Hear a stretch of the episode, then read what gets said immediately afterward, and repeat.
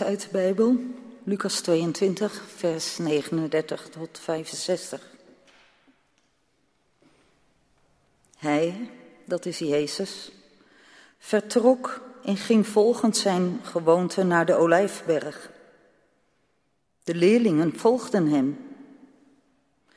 Toen hij daar was aangekomen, zei hij tegen hen: Bid dat jullie niet in beproeving komen. En hij liep bij hen weg tot ongeveer een steenworp ver en knielde daarna neer om te bidden. Hij bad, Vader, als u het wilt, neem dan deze beker van mij weg. Maar laat niet wat ik wil, maar wat u wilt gebeuren. Uit de hemel verscheen hem een engel om hem kracht te geven. Hij werd overvallen door doodsangst, maar bleef bidden. Zijn zweet viel in grote druppels als bloed op de grond. Toen hij na zijn gebed opstond en terugliep naar de leerlingen, zag hij dat ze van verdriet in slaap waren gevallen. En hij zei tegen hen: Waarom slapen jullie? Sta op en bid dat jullie niet in beproeving komen. Terwijl hij nog sprak, kwam er een, opeens een horde mensen aan. Voorop liep de man die Judas heette, een van de twaalf. Hij ging naar Jezus toe om hem te kussen. Maar Jezus zei tegen hem, Judas, lever je de mensenzoon uit met een kus? Toen degenen die bij hem stonden zagen wat er ging gebeuren, vroegen ze, Heer, zullen we er met het zwaard op losslaan? En een van hen sloeg in op de dienaar van de hoge priester en sloeg hem zijn rechteroor af. Maar Jezus zei, Houd daarmee op, zo is het genoeg.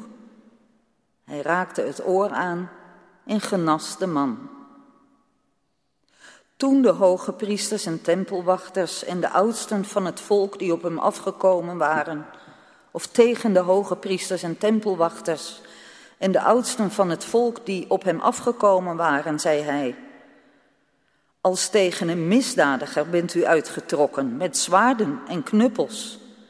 Dagelijks was ik bij u in de tempel. En toen hebt u geen vinger naar me uitgestoken. Maar dit is uw uur, het uur van de macht van de duisternis. Ze grepen hem vast en voerden hem weg en brachten hem naar het huis van de hoge priester. Petrus volgde hen op een afstand.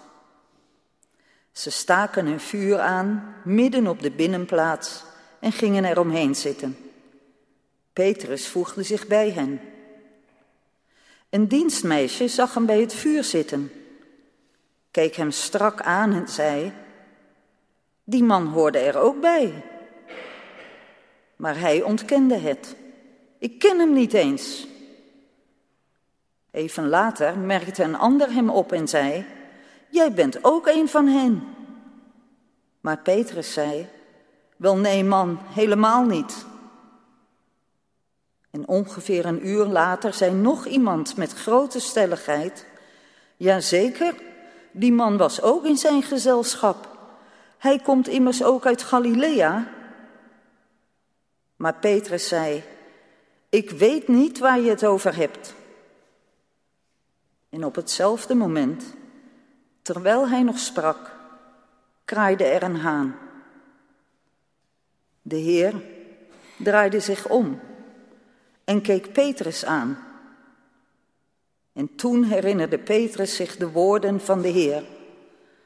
Nog voor er vannacht een haan heeft gekraaid, zul je mij driemaal verloochenen. Hij ging naar buiten en huilde bitter. De mannen die Jezus gevangen hielden, dreven de spot met hem en geeselden hem. Ze blinddoekten hem en zeiden, profeteer nu maar. Wie is het die je geslagen heeft? En ze zeiden nog tal van andere lasterlijke dingen tegen hem. Dit is het woord van God. Jezus leed aan vriendschap. Afgelopen weken heb ik een aantal mensen gevraagd wat vriendschap voor hen betekende. Wanneer noem je iemand nou een vriend of een vriendin?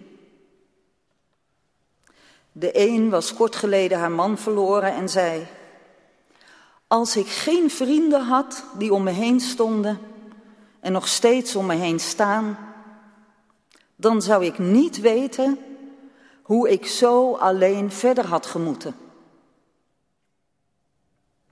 De ander vertelde over zijn moeilijkheden toen hij zijn omgeving vertelde over zijn homofiele geaardheid. Ik vroeg hem wat vriendschap voor hem betekende. Hij zei, dat zijn de mensen bij wie ik me veilig voel. En weer een ander, ernstig ziek, vertelde, zonder die vriendschappen was ik nergens. Dat geeft dus aan hoe belangrijk vriendschappen zijn. En misschien heb jij ook wel zulke gedachten over vriendschap. Toon Hermans verwoordt dit heel krachtig in die paar eenvoudige zinnetjes. Dan zegt hij, je hebt iemand nodig, stil en oprecht, die als het erop aankomt voor je bidt en voor je vecht. Pas als je iemand hebt die met je lacht en met je grient, huilt, dan pas kun je zeggen, ik heb een vriend. Ook Jezus had vrienden. In het evangelie van Johannes zegt Jezus tegen zijn discipelen, vrienden noem ik jullie, omdat ik alles wat ik van de Vader heb gehoord aan jullie heb bekendgemaakt. Nu zijn er vriendschappen en vriendschappen. De ene vriend staat dichterbij dan de ander. Je hebt vrienden met wie je bijna alles deelt. En vrienden die je niet zo vaak ziet of spreekt. Jezus had twaalf vrienden. En drie vrienden stonden heel dicht bij hem. Zij vormden zijn inner circle, om het zo maar te zeggen. Petrus, Johannes en Jacobus. Zij waren er onder andere getuigen van toen Jezus verheerlijkt werd op de berg. En deze drie vrienden gaan met hem mee naar de hof van Gethsemane, waar Jezus door angst overmand werd en bad of zijn vader de beker van het lijden wat hem te wachten stond, van hem weg zou nemen. Daar stond Jezus doodsangst uit. En juist daar, in die doodsangst van Jezus, waren ze vrienden er niet. Het kwam erop aan voor Jezus. Maar er was niemand die voor hem bad. Toch wel het minste wat je kunt doen voor vrienden in nood. Niemand die hem bijstond in zijn lijden. Dan kun je lijden aan vriendschap. Mensen die dicht om je heen staan, maar wanneer je ze het hardst nodig hebt, zijn ze er niet. En misschien heb jij ook wel zulke ervaringen. En sta je er in je lijden ook helemaal alleen voor? Geen steun. Geen gebedsteun. Van niemand. Weet dan dat niemand beter dan Jezus weet wat dat betekent. En ook, weet dan dat Jezus wel voor jou bidt in jouw lijden. Als geen ander weet Hij wat het is om alleen te lijden. Drie keer lijden aan vriendschap van Jezus staat er in het evangelie wat we hebben gelezen. Judas, een van de twaalf vrienden van Jezus, verraadt hem voor wat geld. Offert de liefde, de vriendschap van Jezus op voor dertig zilverstukken. Als Judas met een horde mensen komt om Jezus gevangen te nemen, zegt Jezus nadat Judas hem de verraderskus heeft gegeven. Vriend, ben je daarvoor gekomen? Wat Judas ook deed, Jezus noemt hem nog steeds vriend.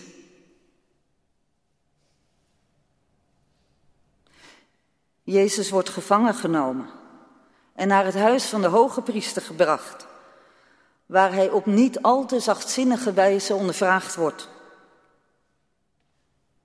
Petrus, een van die drie die tot de inner circle behoorden van Jezus, was daar ook. En was getuige van die ondervraging en vernedering van Jezus. Hij werd herkend als een van de volgelingen. Maar het werd Petrus te heet onder de voeten. Hij voelde de haat van de aanwezigen tegen zijn meester. En toen hem gezegd werd dat hij bij Jezus hoorde, zei hij: Mens, wat klets je toch? Ik ken hem niet eens. Tot drie keer toe ontkende hij dat hij een vriend van Jezus was. Jezus heeft naast zijn, naast zijn vernederende en pijnlijke ondervraging gehoord die woorden van, van Petrus. Ik ken hem niet. Over wie heb je het? Ik weet niet hoe het jou vergaat, maar het lijden aan vriendschap van Jezus bereikt hier wel zijn hoogtepunt, of beter gezegd zijn dieptepunt. Ik kan geen woorden vinden om dit lijden van Hem te benoemen. In de steek gelaten, verraden miskend door zijn vrienden. Jezus leed aan vriendschappen. En zijn lijden omvat ons hele menselijke bestaan. Hij leed aan wat wij kunnen lijden. Maarten Luther zegt, God tot vriend te hebben is troostrijker dan de vriendschap van de wereld.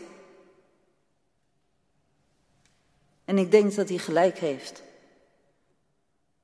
Omdat niemand beter weet dan Jezus wat het betekent als je in de steek gelaten wordt, verraden, miskend. God rekent ons niet af. schrijft ons niet af, maar noemt jou en mij vanavond vrienden. Amen.